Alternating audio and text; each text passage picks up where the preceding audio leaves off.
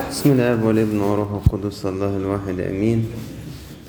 النهارده 15 كياك والكنيسة بتعيد بعيد آه، نياحة آه، واحد من القديسين العظماء في الكنيسة هو القديس غريغوريوس الأرمني.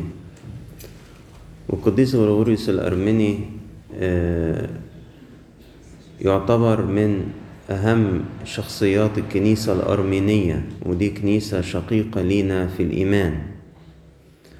وبالنسبة لهم القديس غريغوريوس الأرمني زي القديس ماري مرقس بالنسبة لنا كده. يعني رغم إنه التقليد يقول إنه أرمينيا آه، بشرها في الأول في القرن الأول الميلادي القديس بارسلوماوس والقديس أندراوس.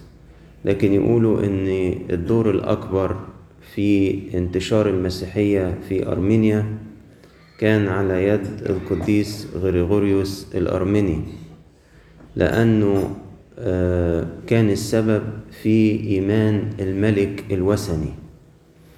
ولما الملك الوثني قبل الإيمان بالمسيح آه، تبنى المسيحية كديانة رسمية للدولة الأرمينية وبذلك أصبحت أرمينيا أول بلد في العالم تعتنق رسميا الإيمان المسيحي قبل حتى المنشور بتاع الملك قسطنطين بتاع التسامح الديني وقبل ما الملك سؤدوسيوس يعتمد المسيحية كديانة رسمية للإمبراطورية الرومانية. فدي كانت أول مملكة في العالم تقبل الإيمان المسيحي كديانة ليها. ولكن ده ما كانش ببلاش. زي ما سمعتوا في السنكسار إن الملك ده اللي قبل الإيمان بالمسيح. اضطهد القديس غريغوريوس الأرمني وألقاه في الجب لمدة تقارب الأربعتاشر سنة. كمان. الكنيسة الأرمنية تلقب القديس غريغوريوس بالمستنير. منور كده. قلبه وذهنه منورين بالمسيح. واستطاع إنه يعكس نور المسيح لكل الشعوب اللي ساكنة في هذا البلد والمحيطة. آه، كمان يعني كان همه من من ساعة ما خرج من الجب هو الكرازة بإنجيل المسيح في كل هذه المناطق. آه، الكنيسة بتحتفل بيه مرة تانية. في شهر توت بس مش متذكر التاريخ آه، بإخراجه من الجب يعني النهاردة عيد نياحته وليه عيد تاني في شهر توت في إخراجه من الجب أما الكنيسة الأرمينية فبتعيد ليه أربع مرات في السنة. وده برضو بيدل على مكانة هذا القديس آه، بالنسبة له. عشان كده الكنيسة رتبت إنه في هذا اليوم تقرأ قراءات الآباء البطاركة تعرفين إنه في آه، قراءات ثابتة آه، لبعض يعني ال- الوظائف. يعني مثلا في الشهيدات بيتقري إيه في الآباء الأساقفة بيتقري إيه في الآباء البطاركة بيتقري إيه في الشهداء بيتقري إيه. فإنجيل الراعي والفصل بتاع القديس بولس لتلميذه تيموساوس والفصل بتاع أعمال الرسل بتاع آه، إرسالية القديس بولس لاستدعاء آه، قصوص آه، أفسس. آه، كل الفصول دي مرتبطة بلما يبقى عيد نياحة حد من الآباء البطاركة لأنه الأب البطريرك بيجسد لينا آه، المسيح الراعي الصالح. وعشان كده تلاحظوا إنه آه، الأباء الأساقفة والأب البطريرك على الكرسي بتاعهم تلاقوا أيقونة المسيح الراعي. الموجودة على الكرسي لأنه هو بيعتبر تلميذ وخريج في مدرسة الراعي الصالح. يعني هو التلمذ على إيدين هذا الراعي الصالح وتخرج من هذه المدرسة وبيمارس عمله في رعاية النفوس في الكنيسة من خلال المسيح الراعي الصالح. عشان كده يعتبر إن هو بيدخل ويخرج من الباب. خدتوا بالكم في إنجيل الراعي الصالح ميز لينا بين الراعي وبين اللص. قال إن الراعي بيعمل إيه؟ بيدخل ويطلع من فين؟ من الباب. والمسيح قال عن نفسه في نفس المثل إن هو باب الخراف. يعني الراعي الصالح يجي من خلال المسيح ويتكلم بكلام المسيح ويجيب النفوس للمسيح. وهو كده يكون راعي حقيقي ويكون دخل من الباب وبيدخل ويخرج من الباب. لكن يجي يكرز بنفسه أو يتكلم بنفسه أو يجيب النفوس ليه هو يبقى ده مش داخل من إيه؟ من الباب ويبقى ده إيه؟ لص فأباء الاساقفه والأب البطريرك لما بنلاقي على الكرسي بتاعهم صورة المسيح الراعي الصالح بنتذكر إن هم تلاميذ وخريجين من هذه المدرسة. مفيش غيرها هذه المدرسة في الرعاية. إما إن الراعي يكون متلمذ ومتخرج من مدرسة الراعي الصالح أو إنه يكون ما ينفعش يكون راعي صالح. هو مفيش غيره واحد بس الراعي الصالح اللي هو شخص المسيح. في إنجيل اليوم أيضا ونقدر نربط بينه وبين الموسم الكنسي مع إن هو يعني ملوش ارتباط أنتوا عارفين كياهك الأيام ملهاش ارتباط بالموسم اللي ليه ارتباط قراءات الأحد. لكن برضو في إنجيل اليوم نلاقي آيتين ممكن يخلونا قادرين نتلمس الطريق في وسط الموسم اللي إحنا بنعيد بيه دوا كياهك وموسم صوم الميلاد. لما المسيح بيقول إنه أتى لتكون لهم حياة وليكون لهم أفضل. وقال إنه الراعي الصالح والراعي الصالح يبذل نفسه عن الخراف. فالمسيح جه عشان يدينا حياة أفضل حياة فضلة حياة ممتلئة. عارف كده في فرق بين الكواليتي بتاعت حاجة تبقى نص نص و quality تانية أعلى حاجة.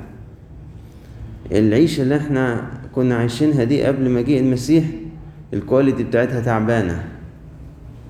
ساعات يقول لك لا لا لا بلاش تجيب المنتج الفلاني ده ده ده تعبان. هات الأصلي ده يعيش معاك. إحنا كانت الحياة اللي عندنا دي حياة ساقطة حياة فاسدة ما حياة تعبانة. فالمسيح جه عشان يدينا حياة كواليتي تانية. شكلها إيه دي؟ قال لك دي حياتي أنا الحياة الإلهية. أنا هخليكم شركاء فيها. أتيت لتكون لهم الحياة. مش مش أي حياة وبس.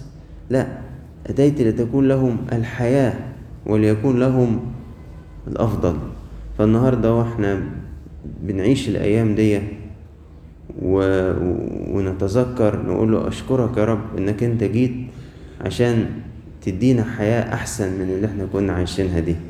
أنا يا رب فعلا مش عايز الحياة لأي كلام وعايز الحياة الأفضل اللي أنت جيت عشان تديها لنا. اديني إن أنا أقيم في هذه الحياة. اللي, اللي يرتبط بالمسيح تكون ليه هذه الحياة. اللي يضع ثقته وإيمانه ويثبت عينيه على المسيح تكون ليه هذه الحياة. اللي, اللي, اللي طول الوقت بيحاول يكون في شركة مع المسيح تجد إنه لديه هذه الحياة المختلفة. أيضا أتى لكي ما يبذل نفسه عن الخراف إحنا بنشوف الراعي بيحاول إن هو يحمي القطيع بتاعه وبيحافظ عليه ويطعمه. أيوه صح. بس ما شفناش حد راعي يعني عادي في سبيل إن هو ينقذ خروف من الخرفان يعمل إيه؟ يموت نفسه. يعني دي زيادة يعني ما مش معقول. لكن على مجال النفوس المسيح عمل كده. إحنا الخراف النفوس الإنسانية دي والبشرية اصطلح عليها في الكتاب إن هي الخراف. واصطلح دايما على الملك أو الإله إن هو راعي لهذه إيه؟ الخراف حتى إن داود الملك في موقف كده من مواقف حياته لما طلب إن هو من يوآب يعدله الشعب وكان يعني بيفكر إنه زي كده يعني يتفاخر إن شوف المملكة بتاعتنا بقى فيها قد إيه جنود و ربنا زعل منه وسمح بضربة في الشعب. فداود وقف يتشفع قال له أنا اللي إيه؟ أنا اللي غلطت. أما هذه الخراف فما لها. يعني يعني دول ذنبهم إيه؟ دول أبرياء. أنا اللي إيه؟ أنا اللي غلطت. حاسبني أنا. كان صورة باهتة عن المسيا الحقيقي الملك الحقيقي اللي جه عشان يبذل نفسه عن الخراف يحمل خطايانا. ويموت نيابة عنا ويموت لأجلنا عشان ما يفتدينا عشان ما يخلصنا. وعشان كده هو يقول إيه؟ عايز تعرف الراعي الصالح من الأجير؟ أيوة يا رب. أعرفه إزاي؟ الراعي الصالح تلاقيه يبذل نفسه عن الخراف. طب والأجير؟ لا يبالي بالخراف. إذا رأى الذئب مقبل يعمل إيه؟ يهرب ويترك الخراف. في بستان جسيماني. لما جه يقبضوا على المسيح فاكرين إيه اللي حصل؟ عمل المسيح. قالوا لهم أنتوا عايزين مين؟ قالوا له إحنا عايزين يسوع الناصري. قال خلاص سيبوا دول إيه؟ على تلاميذه سيبوهم إيه؟ يمشوا. شفتوا دي؟ أهو الراعي الصالح يبذل نفسه عن الخراف أنتوا عايزين مين؟ قالوا إحنا عايزين يسوع الناصري أنا هو موجود قدامكم. خدوني. دول مالهم سيبوهم. يبذل نفسه عن الخراف ده كان مشهد بسيط جدا. بيعبر عن اللي عمله المسيح مش مع الكام تلميذ اللي كانوا سهرانين معاه لكن مع البشرية كلها. الموت جه. عايز مين؟ قال أنا عايز البشر كلهم. ليه؟ كلهم أخطأوا. وكلهم لازم يمكثوا في الموت الأبدي. قال أنا هو أنا أموت. أنا أحتوي في جسدي هذا الحكم حكم الموت. احتويه في جسدي. وعن طريق هذا الاحتواء لحكم الموت في جسد الرب أبطل الموت.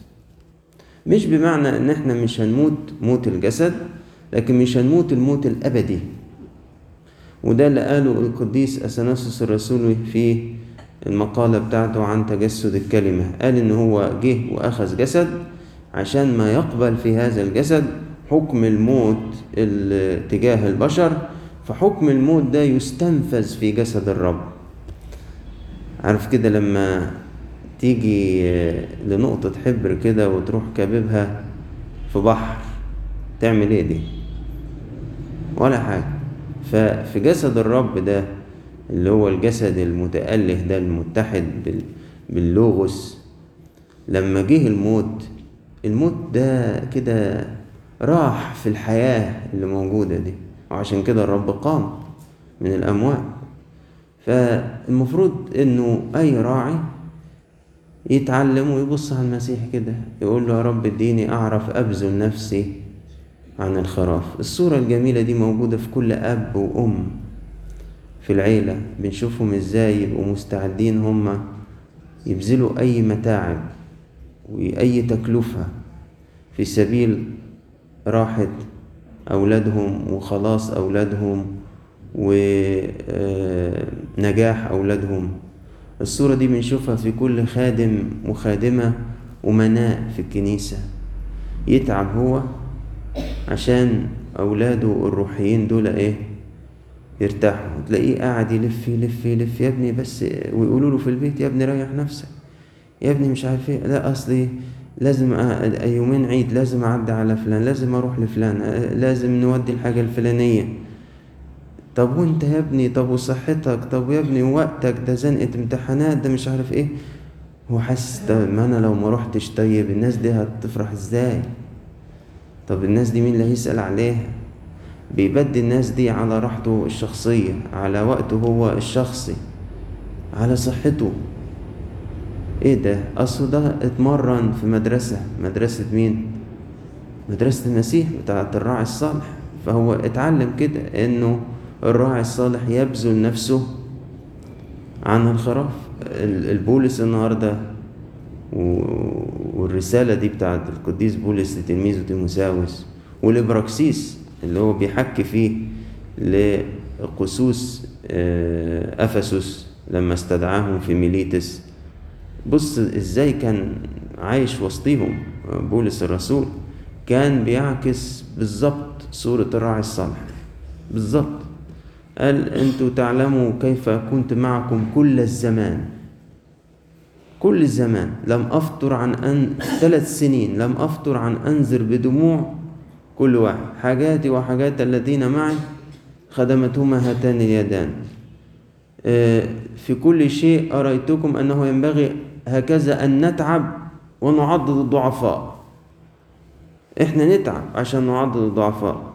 متذكرين كلمات الرب يسوع أنه قال الغبطة في العطاء أكثر من الأخذ أعتقد أن المجتمع اللي تبارك بخدمة القديس بولس حتى لو ما كانش شاف المسيح بجسد فهو شاف نموذج مضيء جدا وقريب جدا وبيعكس جدا صورة المسيح الحقيقية القديس بولس. ويا بخت كل عيلة فيها أب وأم أتقياء بيعكسوا صورة الراعي الصالح. ويا بخت كل كنيسة فيها أباء وخادمات وخدام ورعاة بيعكسوا فعلا صورة الراعي الصالح. النفوس كده إيه؟ الخراف كده تشوف صورة المسيح وهو موجود بيخدم ويغسل الرجلين ويطبطب ويداوي ويزور ويشدد. وهو دي شغلانة الراعي الصالح مش شغلانة رياسة ومش شغلانة مناصب ومش شغلانة راحة. دي شغلانة تعب. كل ده بنتذكره في عيد نياحة هذا القديس العظيم واللي إحنا بنذكره في مجمع القديسين في القداس وفي مجمع آه، التسبحة ربنا ينفعنا بصلواته وسيرته ولإلهنا كل مجد وكرامة إلى الأبد. آمين. صابت